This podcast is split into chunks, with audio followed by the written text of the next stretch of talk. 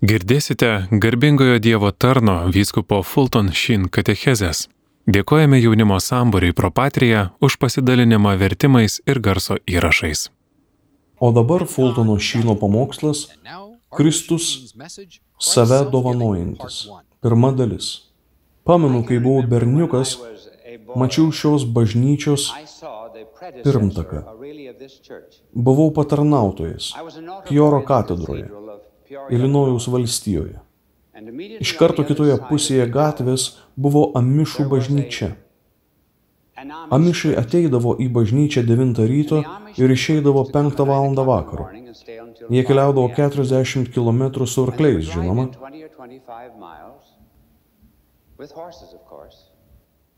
Jie turėjo tvartus pakelėje. Savo arklius pririždavo ir papietaudavo juose. Tai buvo originali drive-in bažnyčia.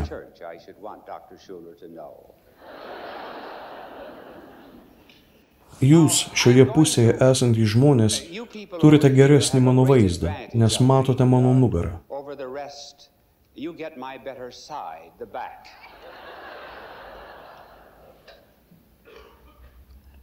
Pasistengsiu šiandien jums išaiškinti buvimo krikščionių pagrindinę esmę. Ką reiškia būti krikščioniu? Kadangi tai yra labai dvasinė tema, pradėsiu ją su keletu pavyzdžių. Pirmasis yra apie nacių sargybinį, kuris buvo teisiamas Frankfurte. Jis sakė, kad jam buvo įsakyta sudeginti apie tūkstantį žydų palaikų, kurie buvo sukrauti barakose į kalną. Jam liepė apipilti benzinų kūnus ir padegti juos, kai jis nuėjo pilti benzino, visi kūnai buvo nuogi, išskyrus vieną. Ten buvo jauna mergaitė, apie 18 metų. Gyva. Jis paklausė, ką čia darai? Mergaitė atsakė, aš žydė, iš Soloneikos. Kaip galvoji, ar galiu toliau gyventi, kai visi mano žmonės mirė? Identifikacija. Pirmoji esmė. Antra istorija. Yra maža grupė žmonių Rusijoje, kurie vadinami urodavinais. Kiek man sakė, tai išvertus reiškia gimė kvailais. Didžioji dauguma jų yra baptistai. Jie eina į koncentracijos stovyklas ir kai kažkam iš kalinių priskiriama bausmė, jie paprašo, kad jiems atitektų mušimai, kankinimai ir taip toliau, negu kaltinamajam. Jų argumentas toks, jeigu tas kalinys bus sumuštas, jis jaus neapykantą atgal. Neapykantos kiekis pasaulyje padidės. Bet jeigu aš mylėsiu atgal, meilės ir atleidimo kiekis pasaulyje padidės. Jie prisiema kitų bausmes savo, todėl jie yra gimę kvailais. Pateikiau jums šios du pavyzdžius, kad galėtumėte suprasti Šventojo Pauliaus laišką filipiečiams. Kartą išgirdau žmogų skaitant į laišką Filipinams, bet šis laiškas filipiečiams. Kuriame Šventas Paulius rašo, kad Kristus ištuštino save, ištuštino save, kai tapo žmogumi. Neteko savo šlovės apvaizdo ir priėmė vergo formą. Ne tarno, vergo. Kitaip tariant, mūsų viešpats negalėjo būti savo dangaus karalystėje. Kai buvo kančios, skausmas, neapykanta, lygos šiame pasaulyje. Taip, kai ta žydų mergaitė identifikavosi su savo žmonėmis, taip viešpats identifikavosi su savo žmonėmis.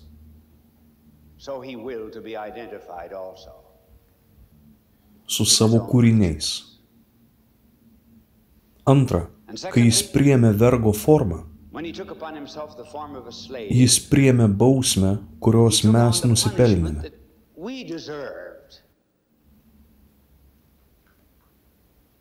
Vertinant mūsų nuodėmes, mums turėtų būti skirta mirties bausmė. Jis prisėmė tą mirties bausmę, lyg pats būtų kaltas. Štai dėl ko mums atleista.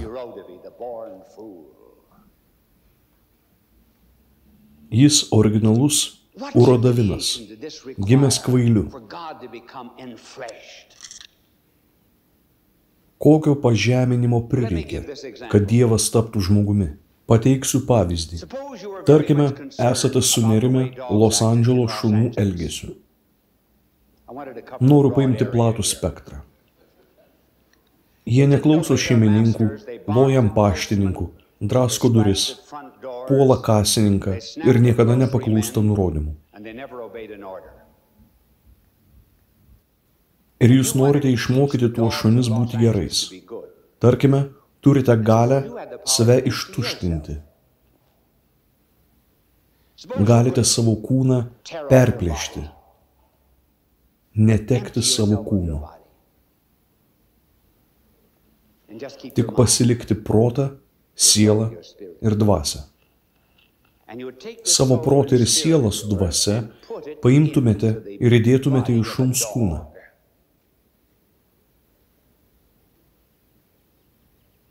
Pirmasis pažeminimas būtų toks, nors ir turite protą, kuris suvokia žvaigždes, bet vadovautumėtės instinktais. Nors žinote, kad galite kalbėti žodžiais, jūs tik lotumėte.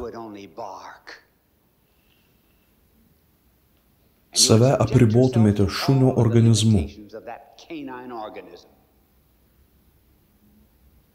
Sekantis pažeminimas. Visą savo gyvenimą turėtumėte praleisti su šunimis. Žinantis, kad esate tūkstantį kartų geresnis. O galiausiai, vietoje to, kad šunys sektų jūsų pavyzdžių, jie atsigręžtų ir suplėšytų jūs į gabalus. Jeigu tai laikote kaip pažeminimą įeiti į šuns kūną, kaip galvojate, koks pažeminimas yra Dievui įeiti į žmogaus kūną?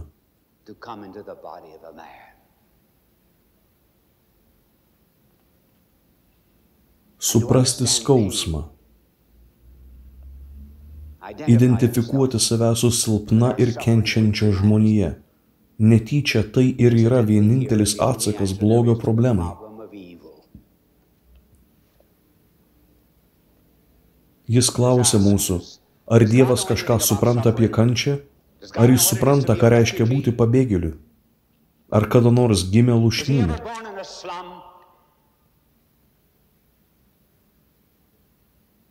Ar kada nevalgė tris dienas, penkias dienas, septynias dienas?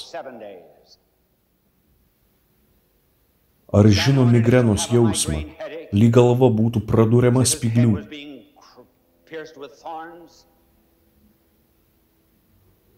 Ar Dievas žino pabėgėlio dalę, kai tenka sprukti į kitą šalį dėl savo gyvybės? Ar žino, koks jausmas kalėti kalėjime? Ar žino kažką apie nelaimingų atsitikimų ligoninės skyrių, kai žmonės pristatomi į reanimaciją su žalotomis kojomis ir rankomis? Taip, Dievas visą tai žino. Jis priemė juos, kentėjo juose, o galiausiai nugalėjo visus šiuos dalykus prisikeldamas iš numirusiųjų. Tai buvo pirmasis pažeminimas, išsituštinimo ir savęs atidavimo, tapimas paprastu žmogumi. Antra, jis turėjo visą savo gyvenimą praleisti su kvailiais apaštalais. Intelekto trūkstantiems mums kartais būna sunku bendrauti su kvailiais – Įsivaizduokite dieviškų intelekto bendravimą su žvėjais. Žali nemokyti protai. Tad jam teko per paskutinę vakarienę su apmaudu paklausti, Pilypai, negi po tiek laiko, kai aš buvau su tavimi, vis tiek nesupranti,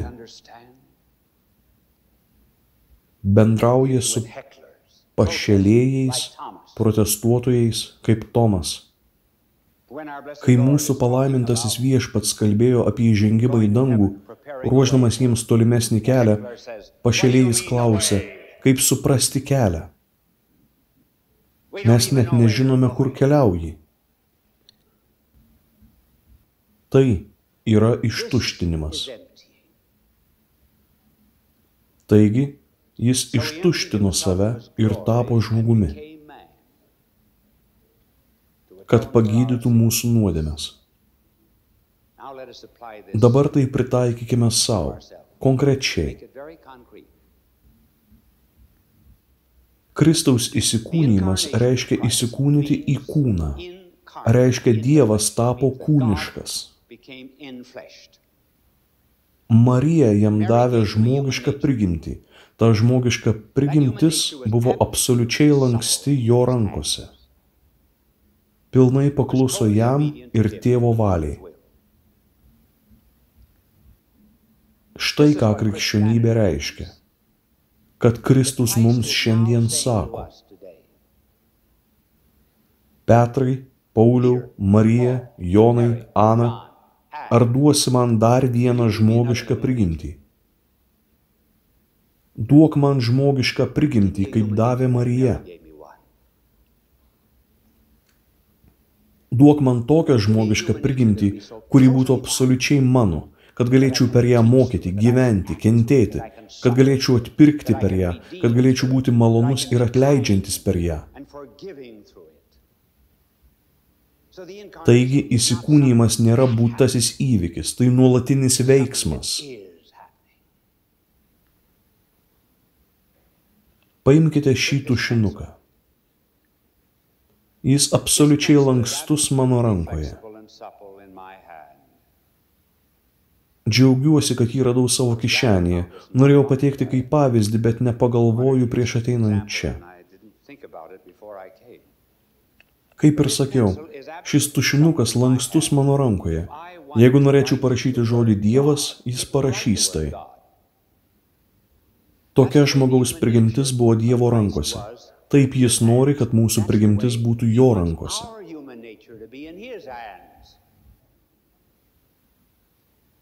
Tarkime, šis tušinukas turėtų sąmonę.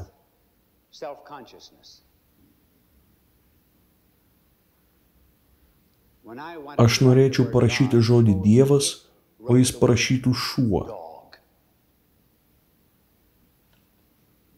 Negalėčiau nieko su juo daryti. Jis būtų nereikalingas.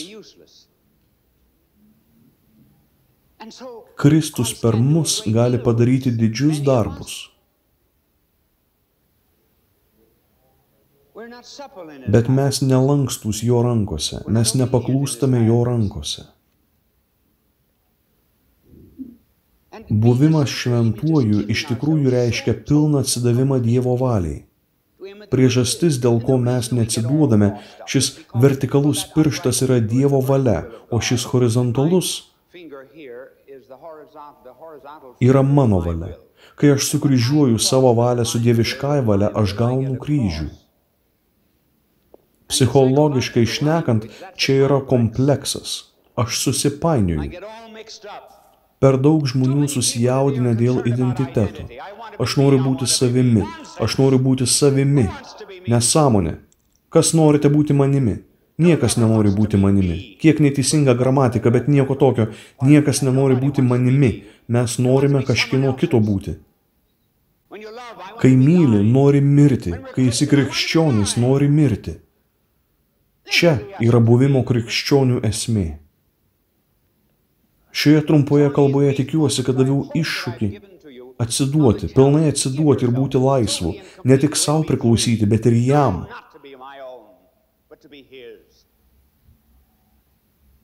Aš slydau pro jo pirštus, bėgau nuo jo kojų. Aš bėgau ir slėpiausi, nes jį bijojau sutikti. Vieną dieną praėjau pro jį, prikaltą prie medžio. Jis pasuko galvą, pažiūrėjo į mane ir pakvietė. Nei greitis, nei jėga negalėjo jo nugalėti. Kiekviena ranka ir koja buvo prikalta vinimi. Jis negalėjo bėgti ar pagauti manęs, net jei bandytų. Bet savo akimis jis liepia man pasiekti jo pusę. Dėl gailesčio pagalvojau, išlaisvinsiu tave. Ne, laikyk šį kryžių, tarė jis, ir sek paskui mane. Sekiau aš jį, nors jis ir negalėjo eiti. Buvau nepagautas belaisvis meilės rankose. Ačiū Jums, sudie, te myli Dievas. Dabar paskutinysis Fultono Šyno pamokslas - Kristus save atiduodantis, antra dalis. Mano brangieji draugai Kristuje, esantis bažnyčioje ir už jos. Čia turiu omenyje fiziškai.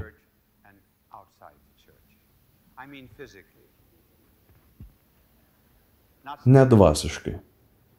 Jūs gausite mano geresnę pusę retkarčiais.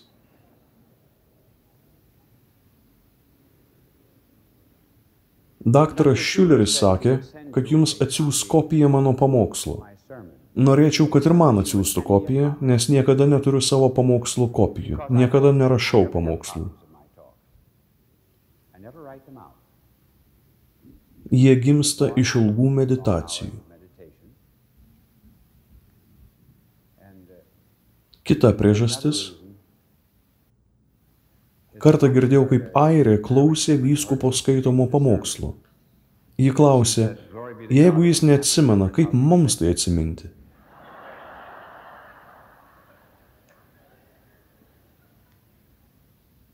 Aš tikiuosi, kad jūs kiekvieną mano žodį atsiminsite.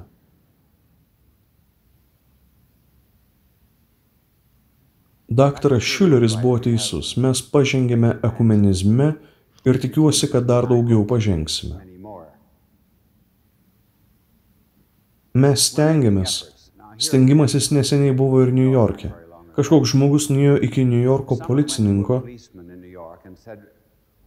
Žmogus paklausė policininko, kada geriausiais laikas išvažiuoti iš New Yorko su priekaba. Policininkas atsakė. Pusė devinių ryto. Visi katalikai bus mišiose. Žydai bus golfo aikštynuose, nes jiems jau baigėsi šabo diena. Protestantai dar miegos, nes jų pamaldos būna vėliau. Žmogus paklausė ir pravažiavo pro Linkolno tunelį be jokių sunkumų. Išvažiavus iš tunelio, jam trenkėsi į priekabą septintos dienos adventistas, kuris vėlavo į darbą.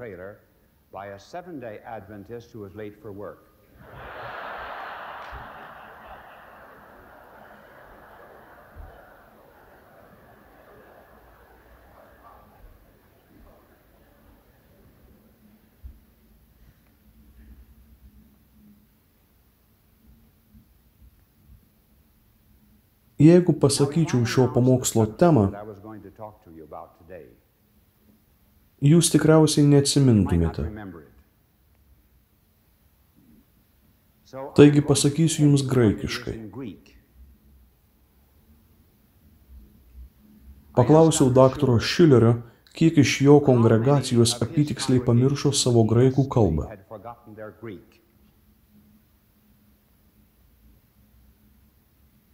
Septyni. Kad septyni suprastų, vėliau pateiksiu vertimą. Šis žodis galėtų būti ir anglų kalboje. Tai graikų žodis skalap. Rašosi S-K-O-L-O-P. Skalap. Šis žodis yra Švento Pauliaus laiške, kur jis rašo apie apsireiškimą, kurį patyrė. Jame rašoma, jis turi būti mažiau išdidus dėl apsireiškimų, nes viešpats jam davė skalap. Tris kartus jis prašė, kad skalap būtų panaikintas. Viešpats atsakydavo ne. Mano malonė yra užtektina tau. Turėk savo skalap. Žodis skalap naujojoje anglų Biblijoje išsiverčia į fiziškai neįgalus.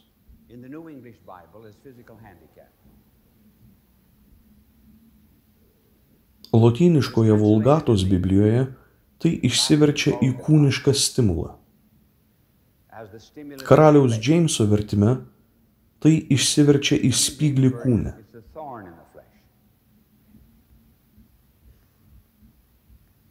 Ką skalap iš tikrųjų reiškia? Skalap iš tikrųjų reiškia kuolą, medinį pagalį, kurį įsmeigi į žemę. Taigi, tai daugiau negu spiglys kūne. Taigi, skalap reiškia bet kokį invalidumą, kurio negalime atsikratyti. Kiekvienas pasaulyje turi skalap.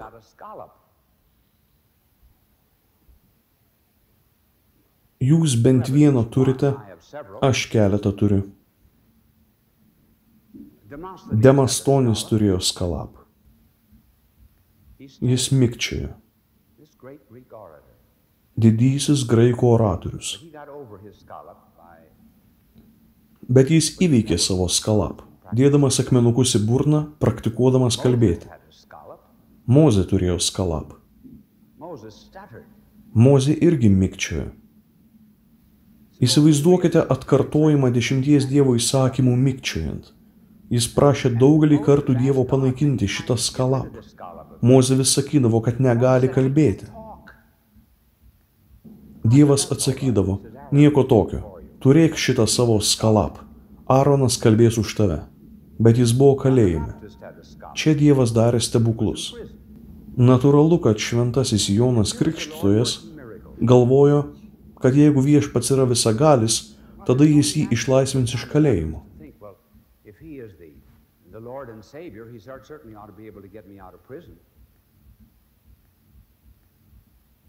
Jis išsiuntė pasiuntinius pas Dievą paklausti, ar jis tikrai Dievas, nes jis pradėjo abejoti, kadangi turėjo kentėti savo skalap.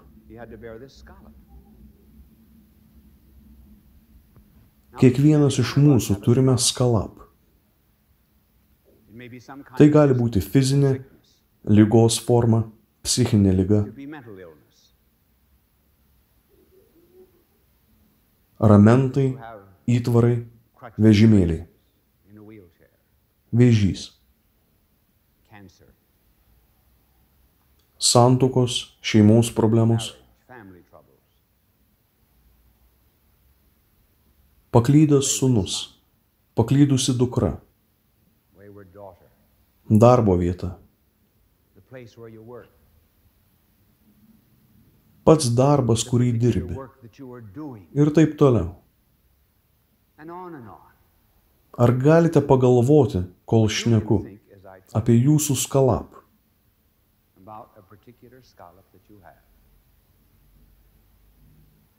Koks buvo šventojo Pauliaus skalap?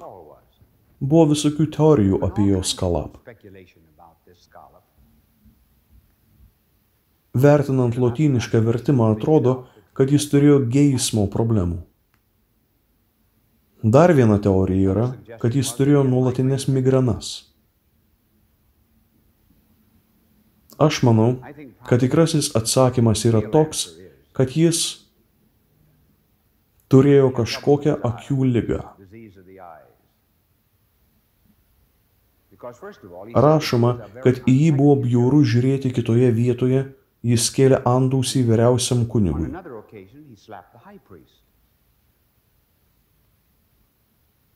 Jo paklausė, kam tu trenkiai vyriausiam kunigui? Jis atsakė, kad nežinojo. kad jis buvo vyriausias kunigas.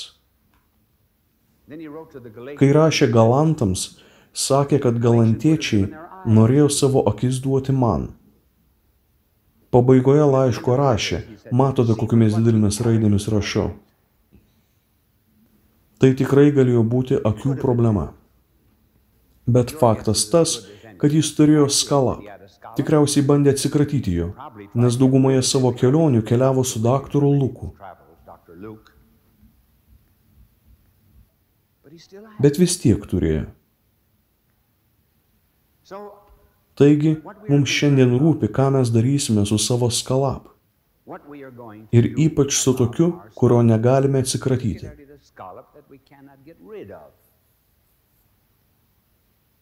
Ne skalap, kuris sudarytas iš blogų įpročių. Apie tai nekalbu. Atsakymas yra toks. Iš tikrųjų mums nesudaro jokio didelio skirtumo, kas mums nutiks.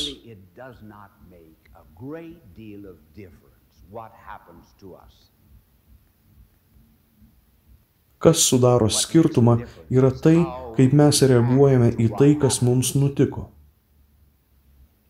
Čia esmė. Mūsų palaimintasis viešpats pasakojo istoriją apie dvi moteris malūnę. Tarp abiejų akmenų buvo dedami grūdai. Iš akmenų kišojo ilgas medinis stiebas, kuris buvo sukamas. Tos dvi moterys malė grūdus. Po tą pačią saulę ir su tokiamis pačiomis sąlygomis.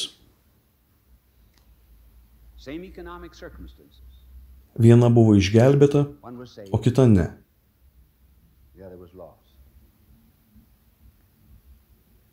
Nesvarbu, kas mums nutinka. Svarbu, kaip mes į tai reaguojame. Pavyzdžiui, tie du vagys, kurie buvo Kristaus nukryžiavime. Prasidėjus jų kančioms, kai juos irgi nukryžiavo prie Kristaus, jie buvo identiški. Ta prasme, kad jie abu šventvagiavo ir keikė mūsų viešpatį. Tada prasidėjo jų reakcija. Jie negalėjo atsikratyti savo skalą. Skala buvo jų nukryžiavimas. Vienas protestavo. Tas, kuris buvo po kaire. One on the left. Taigi jis pasakė, jeigu tu tikrai Dievo sūnus, išlaisvink save ir mus. Taip kartais yra teisiama Dievo gale.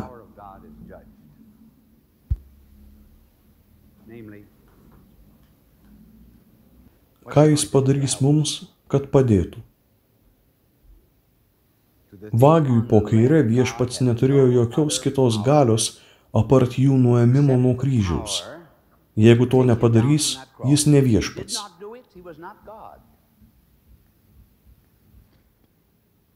Kodėl jis norėjo būti nuimtas? Nes norėjo toliau vokti.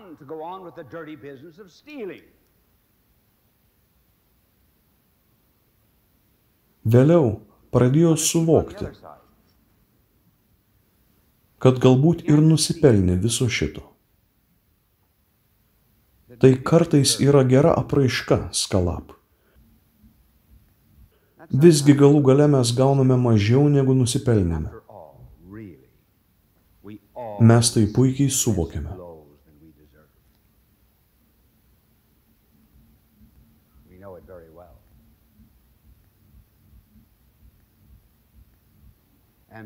Vagis po dešinę pasakė savo bendražygiui vagiui po kairę. Mes kenčiame pelnytai už savo nuodėmes. Tada pažiūrėjęs į Kristų pasakė, šis žmogus nieko blogo nepadarė. Tada pasimeldė. Ne tam, kad būtų nuimtas žemyn ir išgyventų, bet pasimeldė, kad keliautų į viršų. Jis pasakė, atsimink mane. Atsimink mane. Kai ateisi į savo karalystę. Koks didis tikėjimas. Čia buvo revoliucionierius, žiūrėdamas į žmogų prikaltą prie centrinio kryžiaus. Ta spigliuota karūna buvo karališkumo diadem. Kraujas buvo lyg karališka violetinė. Nukryžiavimas buvo lyg instaliacija. Jis jame matė karalystės atidavėją. Jis paprašė, kad jį atsimintų. Tik tiek. Mūsų viešpats atsakė, šiandien tu būsi su manimi rojuje. Tas vagis ir mirė kaip vagis, nes jis pavogė rojų. Rojų galima pavogti vėl. Tai yra dvi reakcijas į visiškai tokį patį skalap. Fizinį skausmą. Dvi reakcijos, kurias galime turėti į skalap. Yra arba protestas, arba susitaikymas. Reactions ką aš padariau, kad to nusipelniau. rebellion. What did I do to deserve this? Ar Dievas geras? Kai kažkas klausia, ką aš padariau, kad to nusipelniau, atrodo mano, kad kiti to nusipelnė. Šis protestas visada sukelia kartumą. O kitas pasirinkimas susitaikymo pasirinkimas. Na, gerasis Dievas viską žino. Jis davė šį kryžių man. Tai atkeliavo iš jo mylinčių rankų. Ir aš tai paimsiu. Tada tai tampa saldu. Jis pirmas nešė. Taigi mes priimam jo kryžių, ne dalį kryžiaus.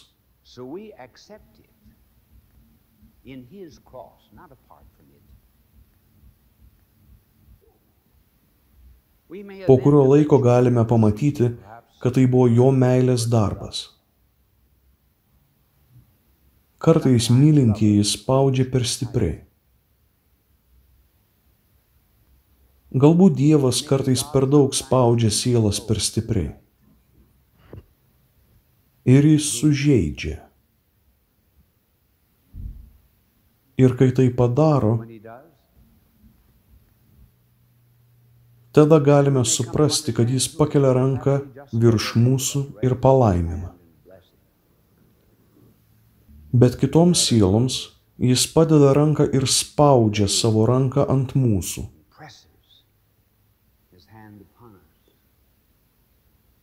Ir kai jis tai padaro, lieka randas.